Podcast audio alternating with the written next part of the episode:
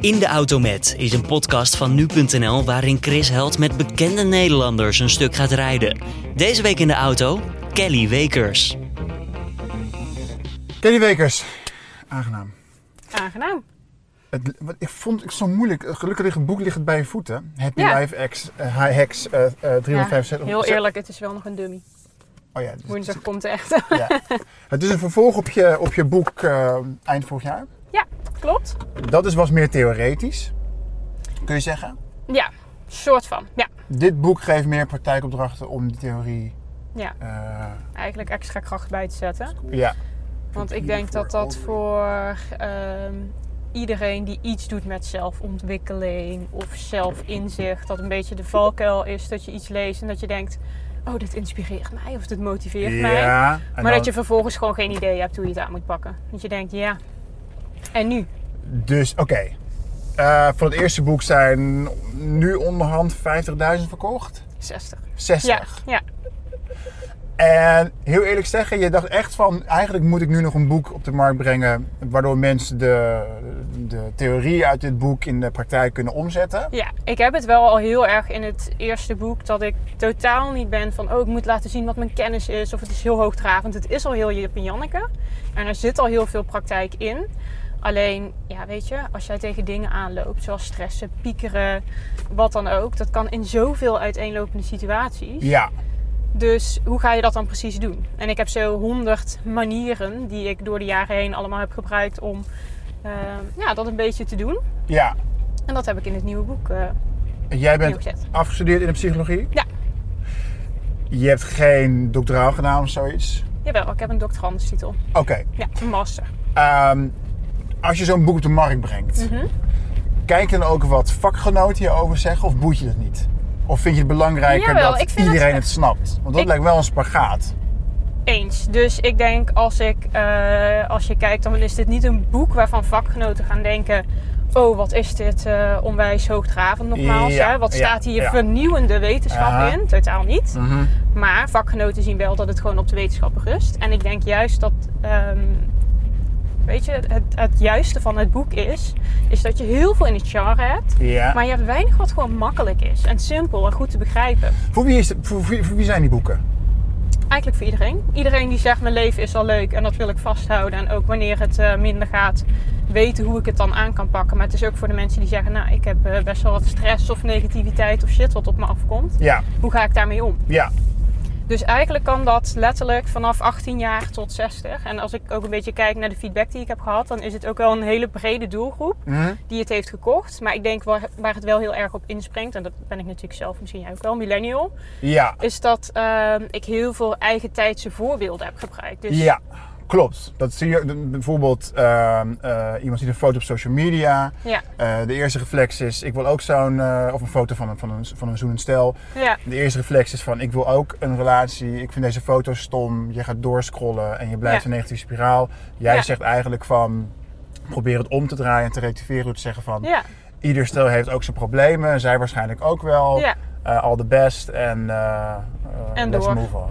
Ja, precies. Maar ik denk dat dat misschien vaak is wat mensen toch niet doen. En wat we zelf ook hebben. Hè? Dat je denkt, shit, ik blijf er toch in hangen. Of eh, ik zie bij iemand anders en die doet iets heel tofs. eh, Ja. Het irriteert me toch? Ja, Ik wil leren dat mensen gaan omdenken. En echt niet dat je leven dan ineens perfect wordt. Maar dat het je wel sneller opvalt wanneer je je druk maakt over onzin. ja. En dat je denkt, ja, waar, waar ben ik nu mee bezig? Nou, ik zou eerlijk zeggen, ik heb je boek ook een beetje, nou niet neerbuigend, dat vind ik, dat is te, maar ik heb het wel zo heel sceptisch gelezen. Ik dacht Ja. van ja, whatever.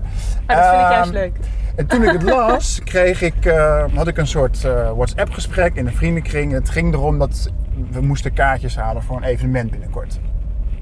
En ik had iemand gevraagd, heb jij al gekeken? Terwijl van tevoren niemand had afgesproken dat die persoon het zou doen. Ja, Maar het was meer zo mijn manier van initiatief tonen. Dus toen dacht ik van, nou, zal ik het wel weer doen. Weet je? En eh, niemand anders reageerde. En toen las ik dus wel van, ja, dat voorbeeld van de vriend die de afspraak afzegt. ja, precies. En eh, je, eerste, je eerste reactie is van, wat ben je toch een lul? Waarom vind je onze vriendschap niks waard? En eh, je bent de hele dag weer gewoon in zak en as. Je kunt ook denken, hij zal je wel een goede reden voor hebben. En we maken gewoon een nieuwe afspraak. Maar dat is dus ook wat ik interessant vind aan dit boek, is dat je gedachten niet zo serieus moet nemen. dat, Omdat weet je? je elke dag wel 6 miljard gedachten in je hoofd krijgt. Niet normaal. En je hebt altijd vanuit, weet je, je achtergrond, of dat niet je opvoeding is, of de Ja. dingen die je hebt meegemaakt in je leven. Je, je staat op een bepaalde manier in je dag. Ja, Dus er zijn gewoon mensen die gaan daar luchtiger mee om. En er zijn mensen die gaan er zwaarder mee om. En je hebt ertussenin. En ik denk dat dit boek, zeg maar, jou laat zien van wat is eigenlijk mijn automatische reactie. En is dat relaxed? Of zou ik die toch willen veranderen? Ja. Omdat die me niet heel erg helpt. ja, ja. Dus dat is het eigenlijk. En dat is wat jij zegt met, eh, met vakgenoten. Dat is, eh, misschien ken je Erik Scherder ook wel. Ja, ja, ja. Maar onwijs goed over brein schrijven. Die schrijft ook aanbevelingen op mijn boeken. Want hij zegt, het is zo leuk dat het nu ineens onze kennis die we hebben, die normaal best wel moeilijk is, gewoon super praktisch is. Ja. Hoe pas ik het toe op een doodnormale situatie? Ja, ja. En wat doe ik dan? Oké, we zijn begonnen met liefde. De problemen die beschreven worden zijn wel extreme luxe problemen. Ben je mee eens, toch? Ja, zeker. Maar ja, degenen die dit boek kunnen kopen, die leven eigenlijk al in een luxe wereld. Dus Ja. kunnen wel heel derde wereldland gaan doen. Maar ja, Maar eh, maar hoe houd jij dat nou gemotiveerd en geïnspireerd? Jij bent ook een life coach. Ja. Jij helpt succesvolle mensen om nou ja, hun succes eigenlijk vast te houden of het, of het beter te kunnen waarnemen. ja eens. Beide, Denk, ja. Hoe vaak denk je als je iemand helpt van Jezus, wat zit je nou eigenlijk te zeiken? Alles gaat goed. regelmatig en dan zeg ik dat ook. Oh ja? En ik denk dat, dat mensen ook bij mij komen voor coaching, omdat ik wel echt heel to the point ben. En ik ben, hoe mijn boeken zijn, zijn best wel nuchter no nonsense. Ik kan best wel ook ja, hardere grappen erin maken. Of hè, dat Ja. je jezelf af en toe even een bitch laat mag geven wanneer je weer loopt te zeiken over dat je Starbucks koffietje misschien lauw is, je pumpkin spice latte, ja, weet je wel. ja, ja. En tuurlijk is dat een beetje gechargeerd, Ja. maar we hebben wel het tot een kunst verheven om hele kleine dingen heel groot te maken. Extreem. Extreem groot, weet je? En het is hetzelfde wat jij... Het is gewoon een automatisme. Een beetje, je bent, je brein is gewoon op zoek naar eh, waar zit een probleem. Want dat Ja. moet ik oplossen. Ja, Alleen, wij zijn helemaal ervan weggedreven dat ooit was dat bedoeld om ons te beschermen. Om dat te een overleven, leeuw ons ja. niet opat. precies. Maar nu maken we ons druk over likes, over kaartjes van festivals die nog niet gekocht zijn, of misverstande dagen, Ja. over van alles Ja, ja, ja, ja, ja, ja, ja, ja. En ehm, dat zijn ook luxe problemen. Alleen ik heb dus, als ik, als ik dus te veel ga relativeren, Ja. is ik, mijn grootste angst is eigenlijk om onverschillig door het leven te Ja, gaan. eens. Toch? Ja. Dus je kunt ook de hele tijd maar denken van, ah, whatever. Dat is het ook een beetje. Want als ik kijk naar mezelf en wat voor karakter ik heb, was ik iemand die eh, ook van, door mijn opvoeding en hoe ik in elkaar steek, zo heel snel kan relativeren. Mm. Maar wat ik ook heb gemerkt, en dat heb ik bijvoorbeeld moeten leren, is dat je dus ook moet leren om heel erg stil te staan bij dingen en echt te genieten. En eh, emotie bij iets echt te voelen. Ja. Want ik was gewoon heel snel ja, gewoon weer nuchter en van, oh ja, top en door, weet je. En als het dan heel goed ging, dan dacht ik, nou ja, fijn. En als het minder was, dan dacht ik ook weer, komt wel goed. Maar je wordt daardoor ook een beetje zo'n flatliner. Ja, zeg maar. ja, ja, ja, ja, ja. En- ja, echte Hollander. Ja, Ja. dus dat is ook wel een beetje de kunst, denk ik. En dat, dat is ook waarom dat ik dat in het boek heel erg bespreek. Van hoe kan je ook ervoor zorgen dat je de mooie dingen echt gaat zien en daar ook bij stil gaat staan. Ja. Maar dan nog, je zei net al van, het zijn veel millennial problemen. Wij zijn allebei wit, heteroseksueel. De een is wat knapper dan de ander. We hebben allebei geld. De een heeft er iets meer van dan de ander. Eigenlijk Dat hebben weten we geen- allemaal niet, hè? hebben we echt- maar eigenlijk hebben we helemaal geen probleem, toch? Weinig, bedoel- maar ja, ik denk wel iedereen uiteindelijk loopt tegen problemen aan. En ehm, ik vind ook altijd een beetje, het is ook stom om te bagatelliseren dat wij geen problemen kunnen hebben omdat wij niet in een lemenhut in Afrika Wat is jouw grootste probleem op dit moment? Ik denk gezondheid van de mensen om me heen. Ja? Die niet altijd eh, optimaal is en eh, wat, wat spannend kan zijn en eh, allerlei ziekenhuistrajecten met zich meebrengt. En ik vind dat wel iets... Dat is nu gaande. Ja, Oké. Ja, dus dat vind ik wel. Dat is zoiets, denk ik, waar veel mensen tegenaan lopen. Of jij nu in een wereld leeft met privileges zoals wij hier hebben. Gezondheid kopen we allemaal niet. Dus je krijgt te maken. Ben ik niet met je eens. Ik denk als jij over behoorlijk wat geld beschikt, dat jouw medische behandelingen van een hogere waarde zijn dan, dan iemand anders. Dat, dat kan. Dan nog koop je natuurlijk niet een goede diag- diagnose, dat kan niet. Nee. Maar je gezondheidszorg, Wordt beter. ja. Nee, zeker, dat kan. dat kan. Maar dat wil niet zeggen dat jij niet met de stress moet dealen. Dat jij nog steeds kanker kan krijgen. Of een familielid. Of dat eh, je overlijdens meemaakt. Ik bedoel, eh, ja. ik leef denk ik, weet je, ik, ik, mijn ouders van huis uit hadden we weinig. Alles zelf opgebouwd. Nou ja, nu leef ik in een wereld waarvan ik echt wel weet dat daar heel veel luxe in, in zit. Ja, Hoe vind je dat? uiteindelijk blijven die problemen hetzelfde. Ja. Hoe, hoe vind je die wereld waar je, waarin... Want, want eventjes, als mensen die het niet weten... Je hebt een relatie met John Eubank. Ja. Een van de meest succesvolle tekstschrijvers in, uh, van Nederland. Uh, maar als ik interviews lees, je zit Ja. vooral thuis. Je komt niet echt op feestjes en... Uh, Toch? Of is dat, nee, is dat ik vind daar gewoon, nee, dat is echt waar. Ik geef daar helemaal niets om. Nooit gegeven ook. Nee, nooit niet. Nee, ik denk dat ik dat... eh, ik heb een paar jaar in het studentenleven gezeten. En toen eh, heb ik wel aardig wat kroegen gezien. En toen was ik er ook klaar mee. Maar ik ben best wel introvert van mezelf. Ja? Ja, en ik eh, kan heel erg, net zoals met jou... Ik vind het heel leuk om met iemand een diepgaand gesprek te voeren. Ja. Maar dat koetjes en kalfjes, dat is gewoon niet zo mijn ding.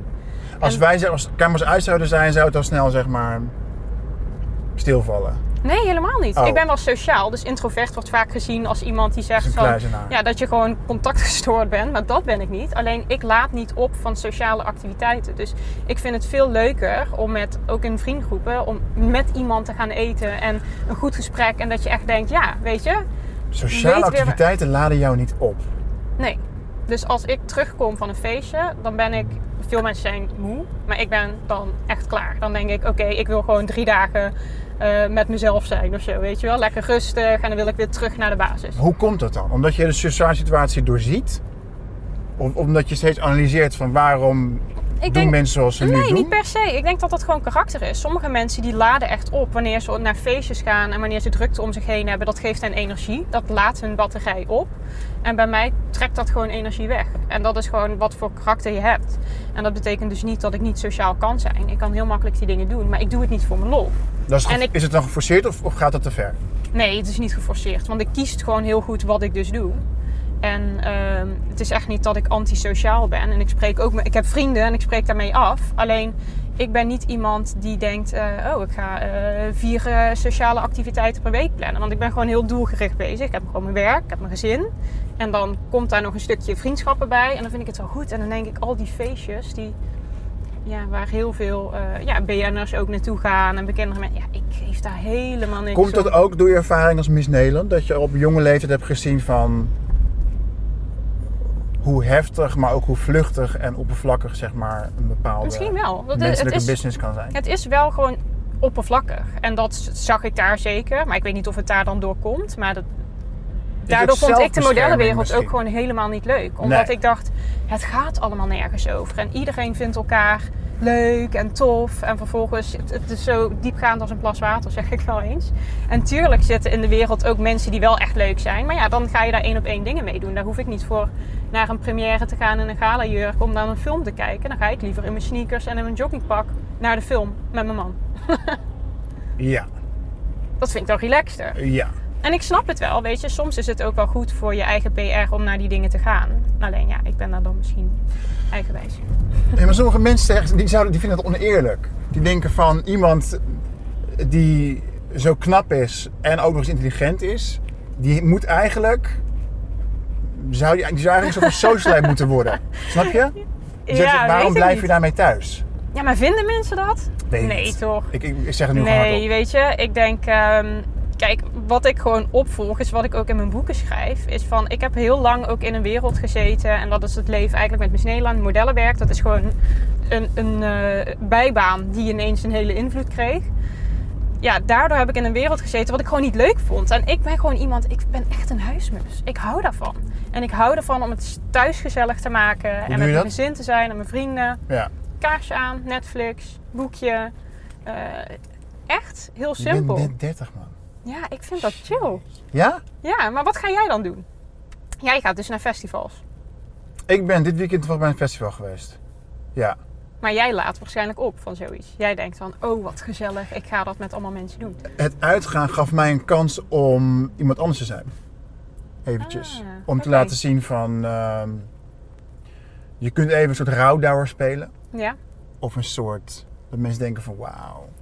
Is echt een edgy gast. Ja, En precies. thuis ben je natuurlijk wel... Schrik je daar natuurlijk wel van. En dan... En dan denk je, ik doe wel even rustig. Precies. Weet je, dan zit je weer te huilen op zondagavond in je eentje.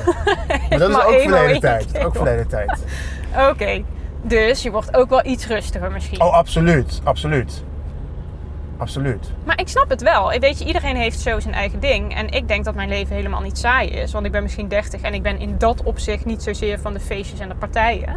Maar weet je, ehm, ik heb een heel leuk leven waarin we wel genoeg meemaken door eh, de wereld waar ik zelf in zit, waar John in zit, eh, het reizen wat we kunnen doen. Ja, precies. Eh, weet je, je, dus maakt we- genoeg mee. Het is echt niet dat, dat ik echt van saaiheid jankend op een bankje onder een dekentje lig. Totaal niet. Alleen, ik, ik ben gewoon niet zo iemand die al die feestjes afloopt. Ik vind er gewoon, ja, even plat gezegd, geen reet aan.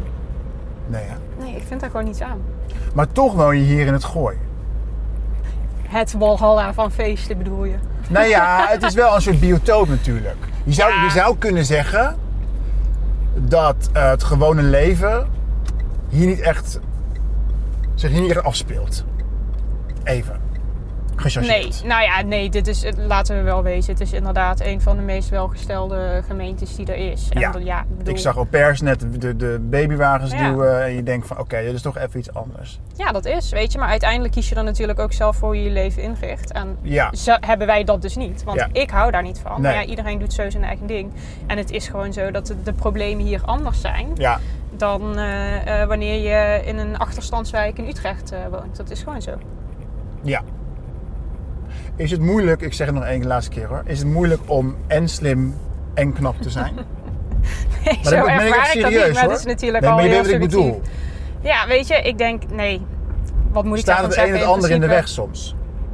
Want je hebt wel eens gezegd Soms van, wel, ja, Dat denk ik wel, weet je. En ik vind dat een beetje miepen om niets. Want aan de andere kant eh, eh, kan je daar beter mee dealen dan dat je dat voordeel niet hebt. Alleen wat Ja. ik soms wel lastig vind, is dat, eh, dat het soms lijkt alsof als je er leuk uitziet, dan mag je niet ook nog iets inhoudelijks gaan vertellen. Want dan vinden mensen dat irritant. Dan denken ze, oh, meent zij ook iets te zeggen? Weet je Ja. wel? Dan krijg je een beetje dat gevoel. En ik merk heel vaak dat ehm, ik best wel, als ik een inhoudelijk verhaal ga houden, dat er dan heel vaak weer bij komt, ja, maar je was toch model? Of met je uiterlijk, speelt dat dan mee? En dan denk ik, ik ben gewoon een verhaal aan het vertellen. En weet je, Eigenlijk ik, het laatste kwartier aan het doen ben. ja, maar ik vind het wel leuk om het erover te hebben. Want het is natuurlijk wel zo, weet je, dat, dat, dat is gewoon een voordeel. Dat je vaak wel, als je eh, eh, je uiterlijk mee hebt, en daarvoor hoef, daarvoor hoef je niet knap te zijn, maar je hebt gewoon een sprankelend uiterlijk, dat ehm, je vaker toch sneller een voet binnen de deur krijgt. Dat merk je zelf ook. Ja, dat denk ik wel. Weet je, het is moeilijk. Ik ben gewoon wie ik ben. Dus ik, ik leef ook al altijd zo. Dus hoe weet je of je dat eerder krijgt of niet? Alleen ik denk wel, wanneer jij het inhoudelijk wil maken met je vak. En ik heb een inhoudelijk vak. Ja, dan niemand koopt bij mij een business coachingstraject omdat ze denken ze ziet er leuk uit. Weet je, mensen komen omdat je iets kan. Heb je dat ook nog nooit ervaren? Dat je ergens bent bij, op, op, op een, eh, ergens op een landgoed met allemaal business guys, 50 plus. En je denkt van oké, ik, ik hou wel het praatje, maar het voelt ook een beetje weird of zo. Zeker. Want ik denk dat toch zeker dat type man soms een beetje kortsluiting in zijn hoofd krijgt. Dat hij denkt, ja, maar jij, dat, dat kan niet dat jij succesvol bent. die accepteren dat nee, niet. dan heb ik heel veel, eh, heel veel vragen krijg ik dan. Ja, Die eh soort van ehm, soepeltjes worden gesteld. Maar die Zoals? toch even gaan peilen van hoe zit dat dan? Oh, maar ja, wat doe je dan precies? En hoe werkt dat dan? En hoeveel personeel heb je dan? En eh, oh ja, oké. Dus en heb je daarvoor gestudeerd dan? Weet je, en dan krijg je dat heel erg. Terwijl het grappige is, is dat va- vaak van de man van middelbare leeftijd die zegt ik ben succesvol. Dat Ja. dat eigenlijk vrijwel meteen wordt aangenomen dat dat dan zo is. dat niemand vragen stelt Nee. bedoel je. Ja, Dan denken ze ja, oké.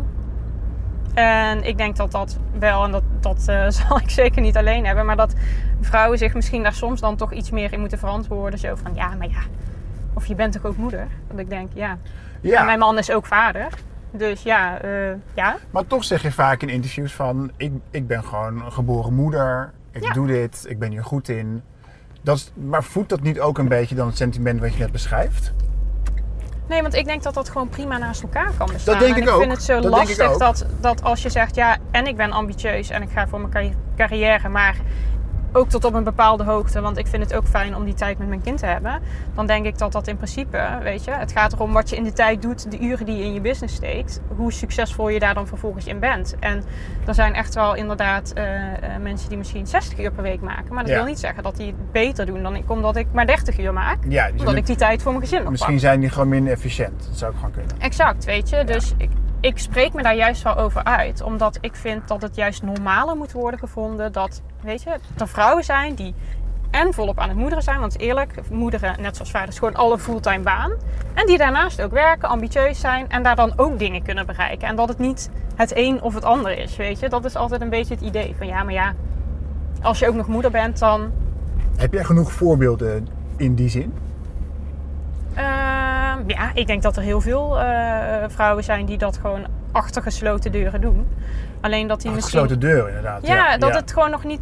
Dat we nog niet genoeg dat podium hebben gekregen, maar ook nog niet genoeg hebben gepakt. Want het is ook wel zo Ah. dat, weet je, het is ook een wisselwerking, Ja, vind ik. Want vrouwen kunnen ook al een beetje, gaan we meteen op onze achterste benen van, eh, ja, weet je, vrouwen zijn ook succesvol en weet ik veel wat, maar wij zijn vaak ook te bescheiden. Dus dan ja, ja. ja. ja. zijn we bang als we dat dan dat podium pakken, dat andere vrouwen daar dan wat van vinden, Ja. of dat we als eh bitchy worden gezien, of dominant, Ja. of eh, weet ik veel Ja. wat. Dus Ja, ik las daar laatst, eh, schreef iemand erover dat ehm, diegene zocht specialisten over een, bepaald, eh, in een bepaald vakgebied. Ja. Had drie vrouwen gebeld en die zeiden allemaal van, nou ja, ik mis eigenlijk de expertise, ik verwijs je door niemand anders. En de journalist zei van, mannen zouden dat nooit zeggen. Die zouden Nee. gewoon bluffen en zeggen van, ja... Dat denk ik dus ook. En ik denk dat een vrouw te snel zichzelf daarin iets terugzet van... oh, er zal vast wel iemand zijn die nog gespecialiseerder is of het nog beter weet, vraagt die maar. En dat is dan vaak misschien de mannelijke collega. Dus Ja, weet je, ik vind... Daar, dat is toch een wisselwerking waar je dat zelf ook iets meer moet pakken. En ik herken dat ook wel bij mezelf. Dat ik eh, als een tv-programma belt, misschien ook vanuit mijn natuur sneller denk... ja, moet ik dat dan wel doen, weet je wel? Want ja eh, be- maar beantwoord die vraag eens. Toen jij, je bent nog steeds, je was deskundige bij Boulevard. Ik Ja, weet nog steeds. Nog steeds. ja, en bij echt heel zet. Wat vind je daar? Is, is dat leuk? Ja, ik vind dat dus heel erg leuk. Omdat dat echt, dat ik altijd heb gezegd van... Ik kwam eigenlijk uit dat Miss Nederland wereldje. En dan krijg je heel veel aanbiedingen voor allerlei programma's en Wat is het doen. wat je ooit gehad hebt qua aanbod?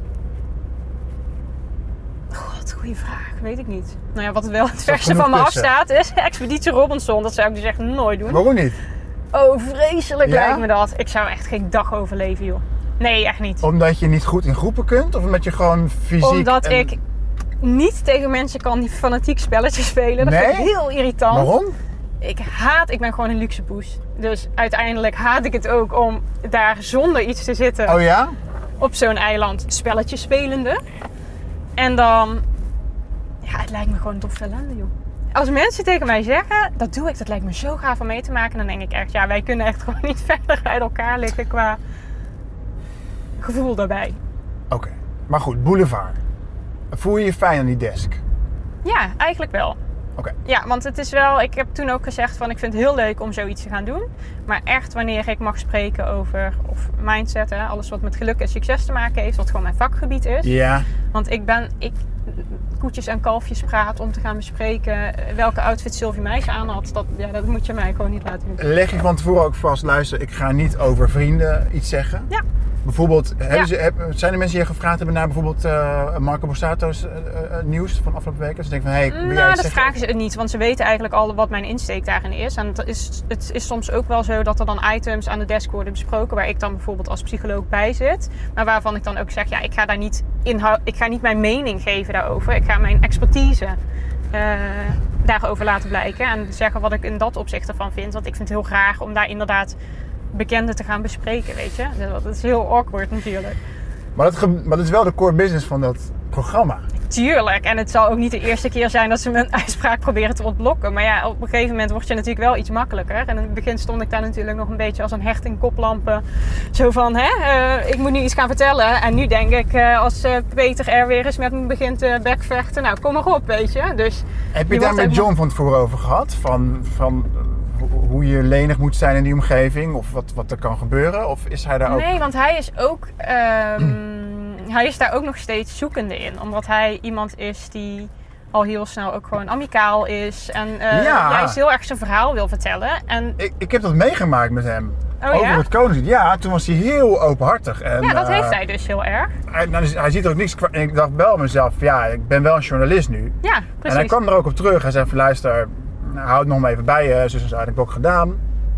ja. Maar toen dacht ik wel van, oh ja, Ja, dus van hem hoef je niet per se een mediatraining te verwachten om dan maar niet in de zin van ehm, dat hij het over andere mensen zal hebben, maar hij kan het ook heel erg over zichzelf en over ons, omdat hij gewoon een open mens is. Ja. Dus wij hebben dat beide, dat we ja, vrij snel al in diepte en gewoon heel eerlijk kunnen praten met mensen. Dus wij moeten ook, daarom doen we eigenlijk gewoon geen pers, omdat, weet je, we, we hebben het daar niet zo op. Want anders wordt het straks weer een ding en dan krijg je weer hele grote uh, koeienletters, uh, allerlei titels, terwijl je helemaal niets bijzonders hebt gezegd. Maar ehm, ja, dat je dan gewoon te openhartig bent. Wij zijn daar niet van die mensen in die uh, super oplettend zijn. Dus dan, eigenlijk hebben we samen afgesproken, wij doen het gewoon niet. Geen pers over privé. Oké, klopt. Maar er zijn mensen in de entertainmentwereld die leven in een soort van symbiose met ja. met um, ja. boulevardprogramma's, roddelbladen. Ja. Dat zie je ook om je heen, toch? Of je moet ja, zeker. Zeker, tuurlijk. En, maar die gebruiken dat heel erg. En ik ben dan heel erg van, laat mij dan maar het gewoon op eigen houtje allemaal bouwen. En als ik voor... Als ze me willen hebben om over iets te kletsen wat ik interessant vind en wat mijn vakgebied is, dan schuif ik heel graag aan. Of dan zeg ik daar heel graag iets over of doe ik daar een interview over. Maar weet je, ik, weiger ook aan de lopende band dingen waarvan ze dan zeggen: ja, maar dan willen we jou en John en dan de kleine. En dan wordt het zo. Wat je wel verhaal. vaak gedaan hebt. Maar dan meer voor Nee, mama dingen, toch? Nou ja, Ja, dat FIFA, keer kijk, maar, kijk Ja, mama precies. volgens mij, dat soort dingen. Oké. Ja, dat heb ik één keer gedaan. En toen dacht ik van, weet je, dat vind ik wel leuk om daar dan één keer een interview over te geven en leuke foto's te maken. Maar dat, ja, ik bedoel, dat kan ik elke drie weken doen. En dan kan je daarmee, ja? Ja, maar misschien ben ik ook gewoon een Nee, beetje ben je niet. pittig. Volgens mij niet. ik ben gewoon een burger. Nee, nee, nee, volgens mij ben je dat niet. Nee? Ja, weet je, ik, ehm, ik, heb, ik heb daar gewoon niet zoveel mee. Je Maar moet daar iets mee willen, weet je, met die pers. Ja, Maar kom je nooit in de verleiding om mensen om je heen ongevraagd van advies te voorzien? En zeggen van, je moet dit niet doen. Je moet het interview niet doen, want weet je nog een half jaar geleden, toen stonden ze ook voor je deur toen het zo en zo ging. Jawel. Alleen weet je, soms heb je de pers in sommige vakgebieden gewoon nodig. Weet Zoals je, nu? die. die eh, nee, dat, eigenlijk niet. Want ik kan dit, vind ik dus echt leuk. Omdat ik kan dan naar jouw interviews kijken. En dan denk ik, jij gaat echt met iemand een leuk gesprek op niveau aan. En je verdiept je in iemand. En dan Ja. ga je daar leuke, interessante vragen over stellen. Dus ik kijk heel graag naar jouw interviews. Dus dan denk ik, dat vind ik dan maar leuk je om moet wel weten, 9 van de 10 keer als ik ergens naartoe rijd, denk ik Ja. wel van, wat de fuck zijn we aan het doen? Waarom denk je dat? We faciliteren elkaar, maar en Ja, maar gaat het soms gewoon niet om boeiende gesprekken met mensen? En is dat ook niet gewoon wat het leven is? Een connectie met mensen en kijken hoe sta jij ergens in, hoe sta ik ergens in. En dat is gewoon interessant. Tenminste, dat heb ik. Ja, dat is natuurlijk ook best mijn vak maar om- dat, ja, dat is wel zo. Maar daarvoor zou ik misschien wel iets niets ontziender moeten zijn. En dan zou ik jou meer moeten dwingen om...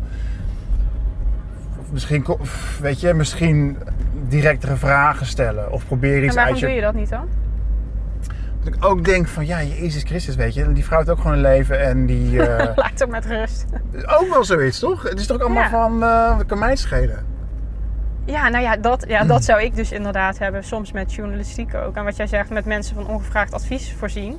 Ik kan adviseren of ik kan interessante vragen stellen. Maar ik ben dus ook, dat is het onverschillige om te zien, dat je ook kan denken... Ja, boeien, doe lekker waar je zin in hebt. Leef je leven en het zal me echt... Jawel, jawel. Maar jij, jij zegt ook op tv, geef je ook advies over waarom we wel of niet over zelfmoord zouden moeten Ja. praten in de media. Ja, Waarvan ik ook denk, maar als je, niet dat dat slecht was, ja. maar dan vraag ik me af als jij dan thuis komt van, denk je dan ook niet van, had ik dit moeten doen? Of waarom moet ik dit doen? Of, of denk je Nee. echt van, ik heb iets goeds bijgedragen? En niet om het af te zijn. ik denk daar eigenlijk überhaupt niet over Oh, na. nee? Ik doe gewoon dat en ik ben heel erg en dan ga ik weer door. Dus ik sta niet zo heel erg stil dan nog bij...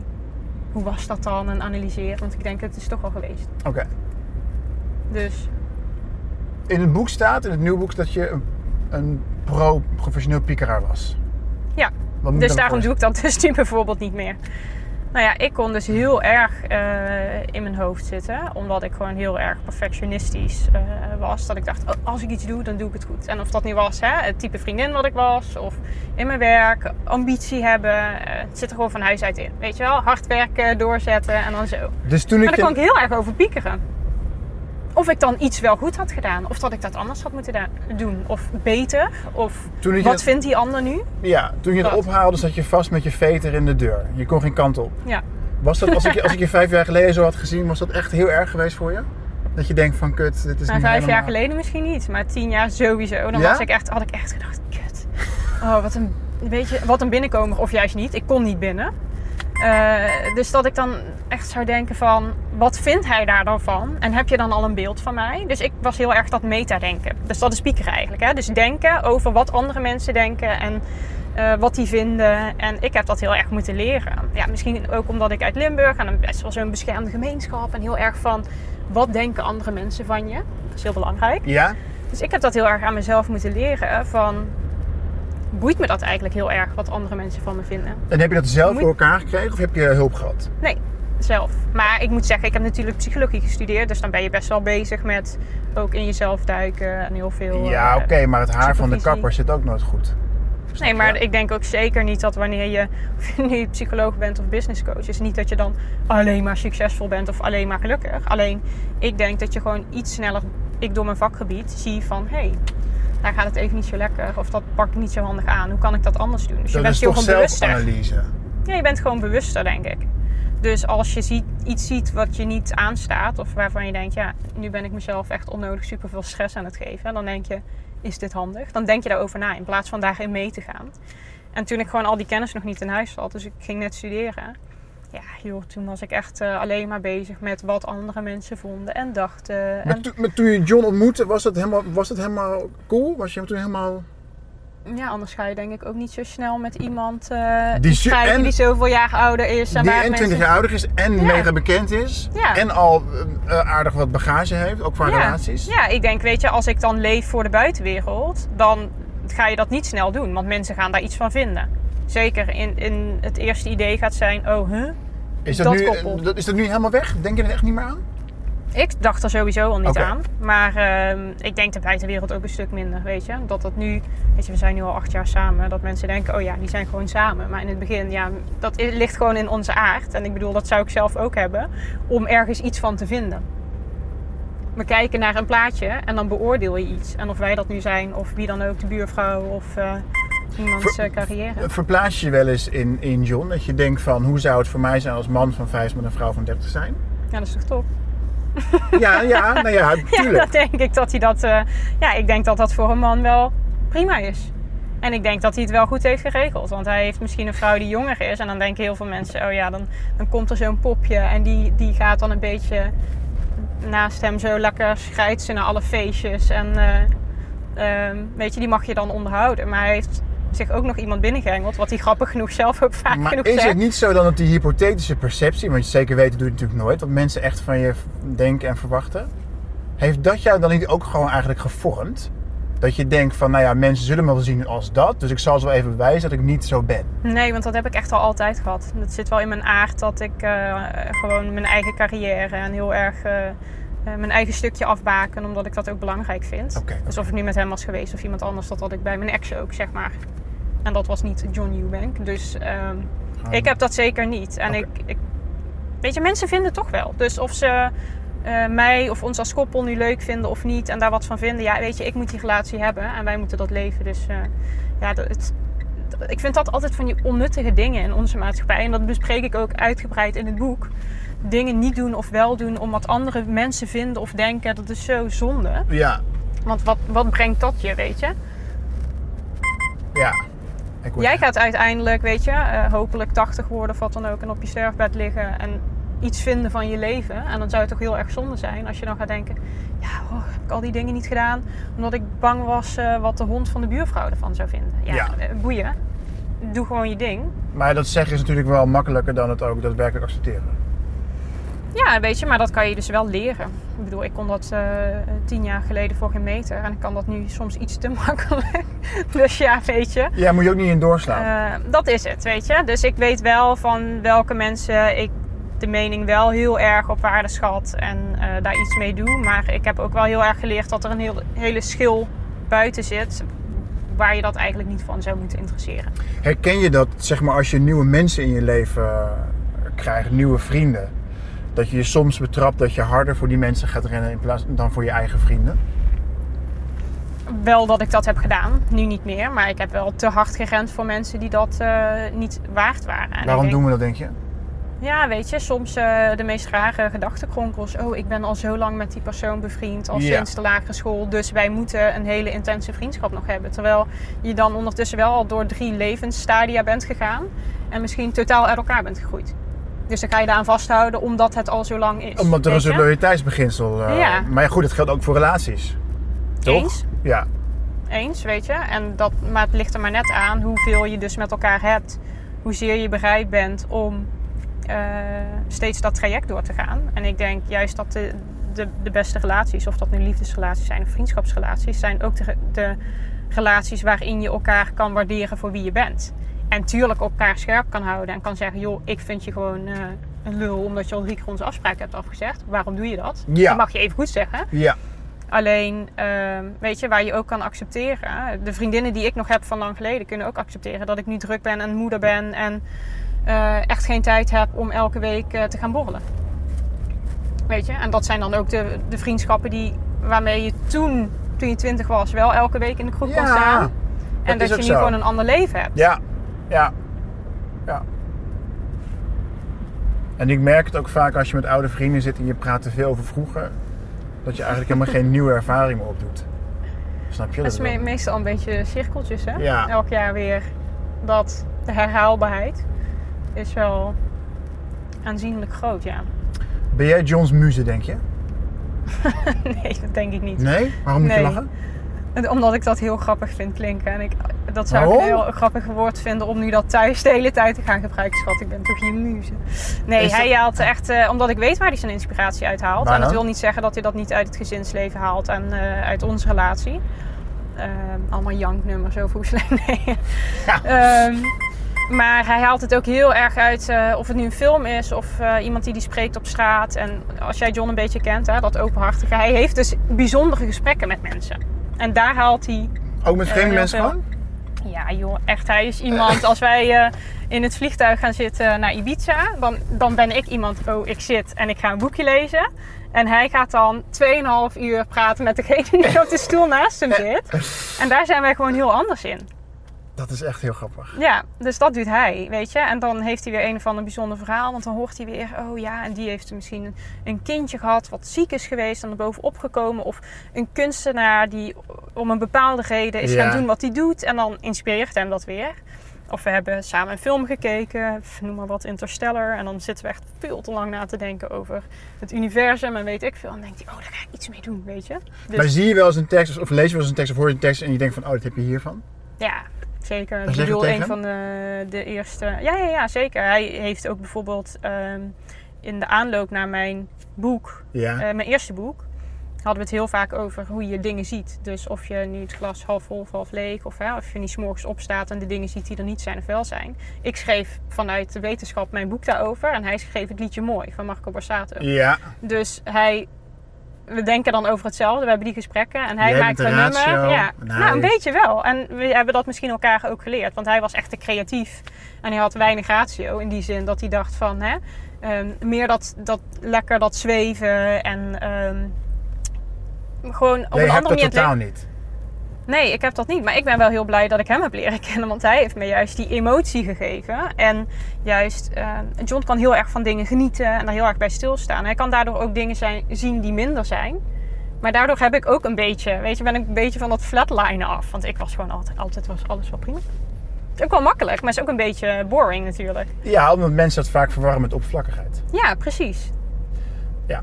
Dus we hebben juist elkaar wel de juiste input gegeven. Dus hij is ehm, daarin, eh, nou ja, soms gewoon rationeler geworden. Dan denkt hij, oké, wat zou Kel nu zeggen? En ik denk, wat zou John nu zeggen? Kun je hem, moet je hem troosten als hij weer eens eh, in het centrum van discussie staat over eh, grammaticale punten op basis van dichtelijke vrijheid? Nee, weet je, wie het laatst lacht, lacht het best. Hij staat nu in de dikke vandalen. Met dat het oud-Nederlands is wat hij terug heeft gebracht. En mensen allemaal op hun achterste poten. En het kon allemaal niet. En nu is het gewoon correct Nederlands, oud-Nederlands. En staat hij met die zin in de dikke vandalen. Ja, ik vind dat Maar voel je dan niet op zo'n moment dat je denkt van ik wil mijn man beschermen? Ja, ik heb hem wel gezegd waar hij de pushmeldingen van zijn Twitter uit kon zetten. Want Ah. die, alles kwam zeg maar binnen. Ja. Dat was niet heel relaxed. Nee, en leuk. weet je, hij is daarin ook. eh, het is niet dat hij dan eh, zo emotioneel is dat hij dan helemaal in een dal raakt. Alleen, ik kan me dat voorstellen. Is wel echt mega kloten natuurlijk. Om even heel Nederland over je heen te krijgen over een liedje. Weet je, daarin kan ik dan af en toe ook wel zeggen van joh. eh, even wat meer lak aan wat andere mensen vinden. Want dat is gewoon natuurlijk wat er gebeurt. Steek je je hoofd boven het maaiveld uit. En ze vinden iets ehm, waar ze je op kunnen pakken. Ja, dan Wat vind je erg, als, als mensen jou ergens op pakken, wat vind je het allerergste dan? Eh, ik, vind, ik vind het soms wel moeilijk als het gewoon onrecht is. In die zin dat je denkt, dit is helemaal niet wat er aan de hand Dit is. klopt gewoon Dit niet. klopt gewoon niet. Dus als iemand je pakt op zoiets, dat kan John dus heel goed. Die zegt dan, ja inderdaad, er zitten gewoon zinnen in dat lied. Omdat we dat met twintig mensen maakten, die gewoon raar zijn. Dus ja, maar het ik komt er gewoon net wel. even lekker uit qua ritme. Precies, en het moest wat. tijdsdruk en al die mensen moesten meeschrijven. Nou ja, dan krijg je dus een mengelmoes van dingen en dat pakt er niet zo goed uit. En hij zegt, ja, wat ik dan wel onrecht vind, zegt hij, we, maken, we werken daar letterlijk met 25 mensen aan. En als het goed gaat, dan staat iedereen voorop, jee, top. En als het dan een drama wordt, dan zeggen ze, ja, maar Johnny Hubank heeft het gemaakt, snap je? En dan sta je er toch een beetje zo alleen zo van, oh ja, oké. Dan pak ik wel die hele strontkar over me heen. Ah, oké. Ja. Snap je? Dat, terwijl je dat natuurlijk met z'n allen doet. Ja. Maar iedereen denkt dan, hmm, weet je, en, hij ga ik me even niet... Ja. Weet je, dan, dan zijn er heel veel mensen die samenwerken. Maar dat zijn er natuurlijk maar weinig die dan denken, ja, ik ga er dan ook wel even naast staan. Want eh, dit is een eh, team effort die niet En helemaal lekker heeft dan uitgepakt. Nee, nee. Dus dat is dan wel heel grappig. Maar ja, aan de andere kant is dat ook een beetje... John zegt nu altijd, weet je, dat hele Koningsliedverhaal... als je erin zit, dan denk je echt... God, wat is dit? Maar hij zegt, ja, nu is het echt heel goed. Want ik zat gewoon te veel in mijn upper. En alles ging me te goed. En mijn carrière ging te Ah. lekker. Dus weet je, ik, eh, het heeft me wel even weer met beide beentjes op de grond Precies, gezet. precies, precies. Dus hij zegt, ja, ik had het wel op een andere manier gewild, zeg maar. Maar eh, In die zin uiteindelijk... bij, louterende ervaring. Ja, joh. En weet je, nogmaals, het is wederom een beetje lullen in de kantlijn. Want waar hebben weet we het je, waar hebben we het over? Ja, dan heb je een gezeik over een liedje en dan dat, weet je. Hij zegt, ja, wat gewoon nu gillen is, dan schrijf je gewoon 25 nummer 1 hits en dan kom je iemand op straat tegen en die zegt, hé, hey, je bent toch van het Koningslied? Dat je denkt, Dat gebeurt. oh ja, aan de lopende band. Dat is echt super grappig. Denk je, laatste vraag over John. Denk je dat hij als een van zijn protégés of een van de zangers waar hij voor schrijft, als die privé-zorgen hebben, Mhm. dat hij denkt van binnenkort weer aan de slag voor een nummer? Dat hij daaruit een soort, bijna uit een soort verdedigingsmechanisme denkt van ik zou het nummer kunnen maken waardoor je er weer bovenop kon komen? Een soort Eh, empowering. Ik denk dat hij dat altijd wel he- heeft. Dus dat het niet echt uitmaakt, die privé-sores. En nu is die privé-sores misschien publiekelijk. Maar ik bedoel, eh, eh, hij is al zo lang intens met Marco bijvoorbeeld. Dat die, weten alles van op. elkaar. Goed. Ja, weet je? Die weten alles van elkaar. Dus ehm, als hij daar iets over heeft geschreven, dan is dat al drie albums geleden dat hij zeg maar eh, dat erop heeft gezet. Ja, En eh, denken ze nu vooral van hoe tof dat wij na 30 ka- jaar carrière nog steeds meedraaien. En er zijn net twee mega hits geweest. Dus ehm, ik denk wat dat betreft dat, eh, dat eh, zij beiden denken... Jammer dat het allemaal in de krant staat. Maar weet je, we hebben fijne gezinnen en een mooie carrière. Dus eh, fuck it. Ik vind het grappig dat je moest lachen over, dat, eh, over de vraag of je geen muzie bent voor hem. Ja, omdat wij gewoon echt... Wij houden elkaar alleen maar voor de gek thuis. Ja? Dus dit is gewoon weer zo'n heerlijk is dat woord. dan? Is ja, het dat ook gewoon emoties af te houden? Nee, dat vinden wij leuk. voor je- voor ik weet je, ik heb altijd gedacht van, oh, stel je voor dat ik later met een partner samenkom die gewoon niet gewend is dat hij gewoon elke minuut van de dag gegrild wordt. Zoals dat bij ons thuis gewoon, weet je wel. eh, heel erg eh, zijn wij als gezin onder elkaar heel sarcastisch, heel veel zelfspot.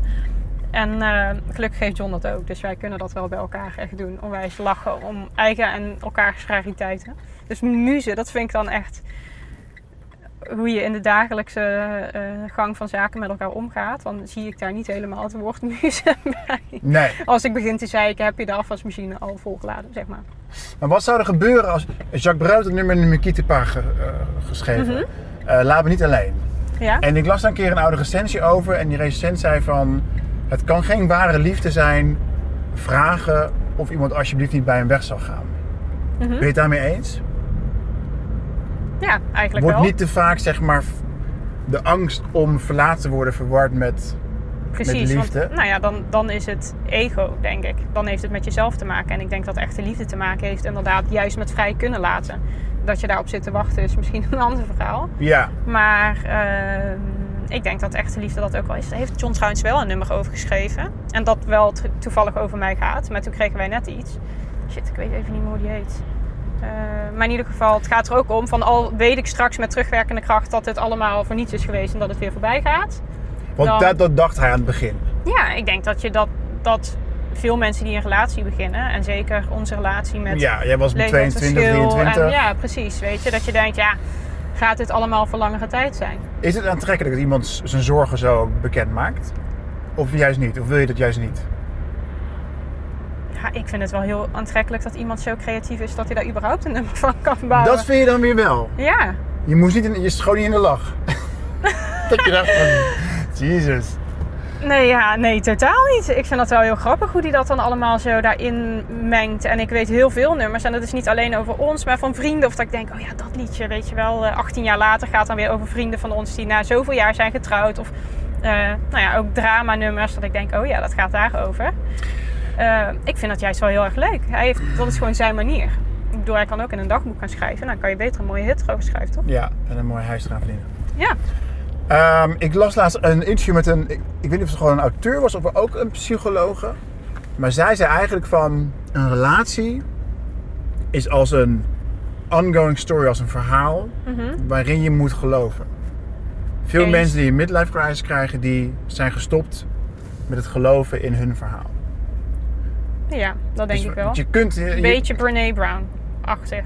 Denk ik wel, Britse- nou, een beetje, beetje Esther Perel. Ken je Ja? Eh, precies, precies. Het was, Ja, Zij was het niet, maar ja. Dat, dat klopt wel, want je kunt natuurlijk iedere relatie kun je dood analyseren. En waarschijnlijk als je wil, kom je, kom je onder de streep uit van dit je- is geen goede relatie voor mij, want ik kan mezelf niet Je, ontplooien. je kan jezelf alles verkopen. Ja, ik, ik, ik heb iemand beters, eh Ja. zou mij toestaan. Eens. Vind ik wel. Ik denk, weet je, dat dat misschien ook een beetje de valkuil is van de maatschappij waar we in leven. En waar ik wederom een beetje met mijn boek op insteek. Maar weet je, er is zoveel. En we Ja. zijn zo gewend dat alles de hele tijd leuk moet zijn. Ja, dat dat ook in relaties, dat is zo vaak mensen ook, ik krijg ook heel veel berichtjes natuurlijk van mensen die het boek lezen. Ja, en dan twijfel ik, is het dit dan? Weet je, ja, Maar ja, ja, ja. ja. weet je dat ooit? En er, ik geloof niet dat er iemand bestaat, want dat ben ik zelf ook niet, die dan perfect is. En altijd perfect bij mij matcht. Of dat nu een vriend is, of je relatie, of wat dan ook. Maar dat je samen de moeite doet om met elkaar Precies. die dingen eh, te overwinnen. Ja, en, niet van jij bent uniek en daarom zijn we Nee, nu ik- samen. En, Ik geloof dat niet. Maar weet je, dat, ik vind het ook wel mooi hoor, dat sommige mensen dat misschien kunnen denken. En dan, hè, Ja. dit is eh, mijn droompartner. En oh, en het voelt allemaal Ja. zo goed. Maar ja, het jammere daarvan is het vaak dat het drie jaar later nog op zijn gat ligt. Dus dan denk ik, ja, misschien kan je er soms dan beter eh, een beetje nuchterder naar kijken. Als een work in progress, gewoon voor altijd. En zolang je mm, elkaar eh, ja, die energie en tijd waard vindt en daar veel plezier uit haalt, is dat prima. Weet je, ik, ik maak mezelf geen illusies dat ik perfect ben. Dus ik verwacht ook helemaal niet dat er mensen om zich heen mij gaan, gaan verzamelen die wel perfect zijn of dat zouden moeten zijn. wat is je grootste zwakte? Hmm. Ik denk toch wel dat alles wat samenhangt met dat op mezelf willen zijn en heel erg mijn eigen ding willen doen. Autonoom willen En, zijn. eh, ja, dat dat wel, dat ik dat als prettig ervaar. Maar ik kan soms ook voorstellen dat dat voor mijn omgeving ook soms wel eh, lastig kan zijn. Want je neemt geen hulp aan van anderen. Nee, dat vind ik wel lastig. Heb je geen au pair of een nanny of zoiets? Nee, nee. Ik heb wel Oh, dat oma's die ik. dat heel lief eh, allemaal opvangen. Een? Dus eh, Oh, oh oma's, ja. En eh, nee, ik, dat, kijk, dat is dus bijvoorbeeld een valkuil van mij. Dus ik wil zeg maar en die carrière. En ik ben dan super ambitieus en ik wil allerlei dingen daarin bereiken. Maar ik wil zeg maar eigenlijk ook fulltime moeder zijn. Dus dan krijg ik daarin de struggle met... Oké, hoe doe ik dit puur alleen al qua tijd? Weet je, hoe ga Ja. ik dat dan rondbreien? Ja, Dus ik heb dat ook wel moeten leren. Dat je dan bepaalde dingen gewoon uit handen geeft. En dat je gewoon zegt, nou ja, als ik dat wil, dan is dat de consequentie, et cetera. Ja, maar nu heb je het over tijd, time management vooral. Maar Mhm. ik bedoel, in je hoofd neem je ook andere rollen aan. Waarschijnlijk is dan mama Kelly is anders dan geliefde Kelly of vriendin Ja. Kelly. Ja, Maar daardoor krijg je toch ook bijna een soort persoonlijkheids... Ja, moet je dat sowieso niet een beetje doen. Want ik denk dat mama Kelly heel erg leuk is. Maar dat het niet altijd leuk is om in je relatie te stappen als mama Kelly. Snap je? Ah, ja. Dus voor John is het ook wel leuk dat hij gewoon af en toe zijn partner gewoon ziet en niet eh moeken. Wat hij ook vaak genoeg ziet. Ik vind het zo tricky dat iemand zoals jij weet zoveel van, het, van hoe we denken. Mhm. En heeft zelf nooit echt extern hulp gevraagd om eens te verifiëren of het klopt wat jij over jezelf denkt. En maar af en toe denk ik dat het niet zo uitmaakt. Want uiteindelijk denk je toch wat je over jezelf denkt. En is het puur de ervaring, weet je, hoe leuk vind ik mijn leven op deze manier. En ga je Mm. juist tegen dingen aanlopen, Mm. dat je dan die hulp gaat pakken. Alleen ik ervaar het niet als onprettig. En mijn omgeving kan er blijkbaar mee leven en vindt het ook prima. Dus ehm, ik doe het gewoon zo. Want ik denk, je kan altijd wel helemaal in jezelf gaan duiken en allerlei dingen ontfutselen. En ik kan naar iemand toe gaan die gaat drie levens terugkijken. Ja. En, weet je? Ja. Maar af en toe is, is het ook de grens van ehm, jezelf gewoon accepteren. Gewoon zeggen, ik heb ook valkuilen. Heb ik daar last van? Nee. Stop met denken. Ja. Ga niet zoeken. Ja, soms hoef je een- ook niet te zoeken als het. Weet je, ik denk dan wel eens van. eh, ik ervaar niet dat ik bijvoorbeeld trauma's heb uit het verleden. Hoe heet therapie die nu zo, niet zo hip is nu? Die heel erg- ja, denk ik. Dat is tenminste dat wel vind ik tricky. Ja, Dat die gaat dus trauma. zoeken en Ja, weet je dat psychotherapie-achtig? Ja. De- bedoel jij, denk ik? Ja, dat, van er Ik- was ooit een moment waarop mijn ouders me hebben in de steek gelaten op vakantie. Ik denk of, dat je altijd, als je wil, iets kan vinden. ja, En daar kan je dan heel veel aan gaan ophangen. En je Ja, hebt ook ja, broer ja. en zus die bijvoorbeeld door dezelfde scheiding hebben geleefd en dat dan totaal anders oppikken. Kijk, ik denk als zoiets je in de weg staat in je huidige leven, in het nu, dan moet je daar iets mee. Maar als jij je gewoon goed voelt, ik, ja, ik ben dan niet zo van het graven. Want dan denk ik, ja, als het toch gewoon oké is. Ja. Het verleden is toch het verleden. In principe kan je daar ook niks meer mee. Dus als je al iets vindt, dan wordt het al ingewikkeld om daar dan iets mee Ja. te gaan doen. ja, Dus weet je, ook sommige dingen gewoon accepteren hoe het is. En zeggen, weet je, ja, die dingen heb ik meegemaakt, maar dat was toen. En ik ga in Dat ieder geval mijn leven nu leven hoe ik het nu wil leven. Dat dat gewoon heel erg belangrijk is. Heb jij Dus een perfecte jeugd gehad? Ik vind eigenlijk wel. Weet je, natuurlijk zijn er altijd eh, kleine dingetjes waarvan iedereen altijd wat kan vinden. Maar ik heb gewoon een heerlijke jeugd gehad. En eh, eh, opgegroeid met genoeg, maar niet te veel. Dus waardoor ik wel nog steeds peper in mijn reet heb en dat, zeg maar. Oké, ja. En gewoon met heel, een hele fijne gezinssituatie. En ik denk dat dat wel ehm, ja, de basis is voor dat ik misschien nu zelf ook een beetje daarin, wat ik zeg, hè, een huismuts ben. Maar dat ik denk, ook een huwelijk of een relatie is niet perfect. Maar je doet gewoon moeite voor elkaar. En dan blijf je gewoon jarenlang samen staan. Absoluut, absoluut. Dus dat heb ik wel heel erg meegekregen. Dus, ehm, en een beetje die werkethiek. En ik denk dat ik wel heel veel vandaag de dag daarvan vruchten pluk. Zowel dus op privégebied als eh, in mijn werk. Van de andere kant mis je ook iets om dan de schuld van te geven. Of, snap je? Als het zeg maar niet zo voorspoedig zou gaan, dan zou je kunnen denken van ja, maar mijn jeugd was heel slecht. Meestal is dan zo'n perfecte jeugd kan ook weer zo'n last zijn. Ja, nou ja, ik vind dan wel dat ik denk, ja, ik heb geen reden om te zeiken. Nee. Dus misschien dat ik daarom ook wel een beetje af en toe in die valkuil trap van... ik heb het goed, dus ik moet het ook allemaal zelf doen. Weet je wel zo. Want ik heb geen reden om hulp te vragen. Nee. Ehm, maar ja, weet je, wederom lullen in de kantlijn. Oh ja, mijn leven was zo perfect. En nu? Huilen, huilen. Ja, Snap je? ja, ja, ja, ja. ja. Eh, super toch? Eh, het, het, het gaat me gewoon overal goed. En ja, natuurlijk zijn er mensen die mij ontvallen zijn of eh, wat heftig is geweest. Maar dat hebben we allemaal. Weet je, vroeg of laat krijg je gewoon met die dingen te maken. Dus als je ondanks alle ups en downs je leven gewoon heel erg leuk kan houden. En jezelf vooral weet hoe je dat moet doen. Denk ik dat je ja. Een mooi leven hebt, weet je? Ja. Ben je bang voor de dood? Nee. Nee? Ik hoop alleen nee, dat het vroeg komt. maar voor de rest, nee, helemaal niet. Nee, ik leef juist heel vaak. Ik sta er juist heel vaak bij stil. Klinkt, klinkt misschien een beetje cru, maar ik kan wel heel vaak denken: ehm, stel dat het morgen over is, weet je wel. Ben ik dan happy met hoe mijn leven is? En? Ja, ik zeg altijd ook echt tegen mijn familie: stel ik loop morgen onder een bus, weet je. Eh, denk alsjeblieft niet, weet je, probeer door te gaan. Want ik heb zo'n mooi leven nu al gehad.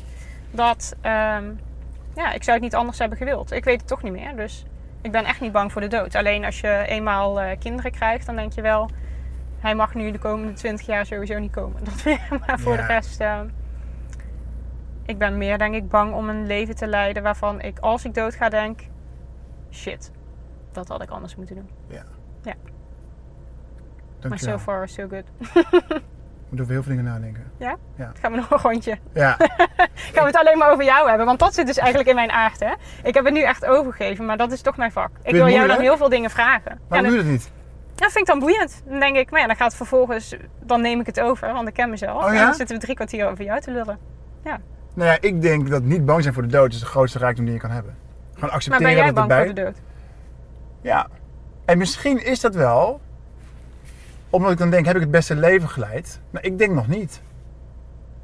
Ik denk nog niet. Ja. Dus dan denk je, shit. Ja, kan ik had nog doen. even... Ja. Ja. ja. Maar daar denk, denk ik dat het misschien in zit. Want het is grappig dat de dood is het meest evidente. Dat is het enige zeker in het leven wat we hebben. En dan gaan we daar een heel ding van maken. Terwijl we niet het ding maken van al die tijd die we dus voor die dood Ja, hebben. ja. Dus misschien dan een bescheiden bijdrage om daar een boekje over te schrijven. En mensen daar toch wat inzichten in te geven.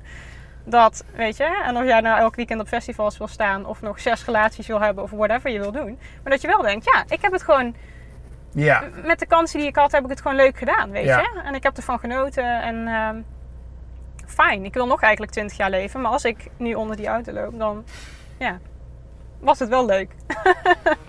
dankjewel. Thanks. Je luisterde naar In de Auto Met, een podcast van nu.nl waarin Chris Held met bekende Nederlanders een stuk gaat rijden. Volgende week een nieuwe aflevering.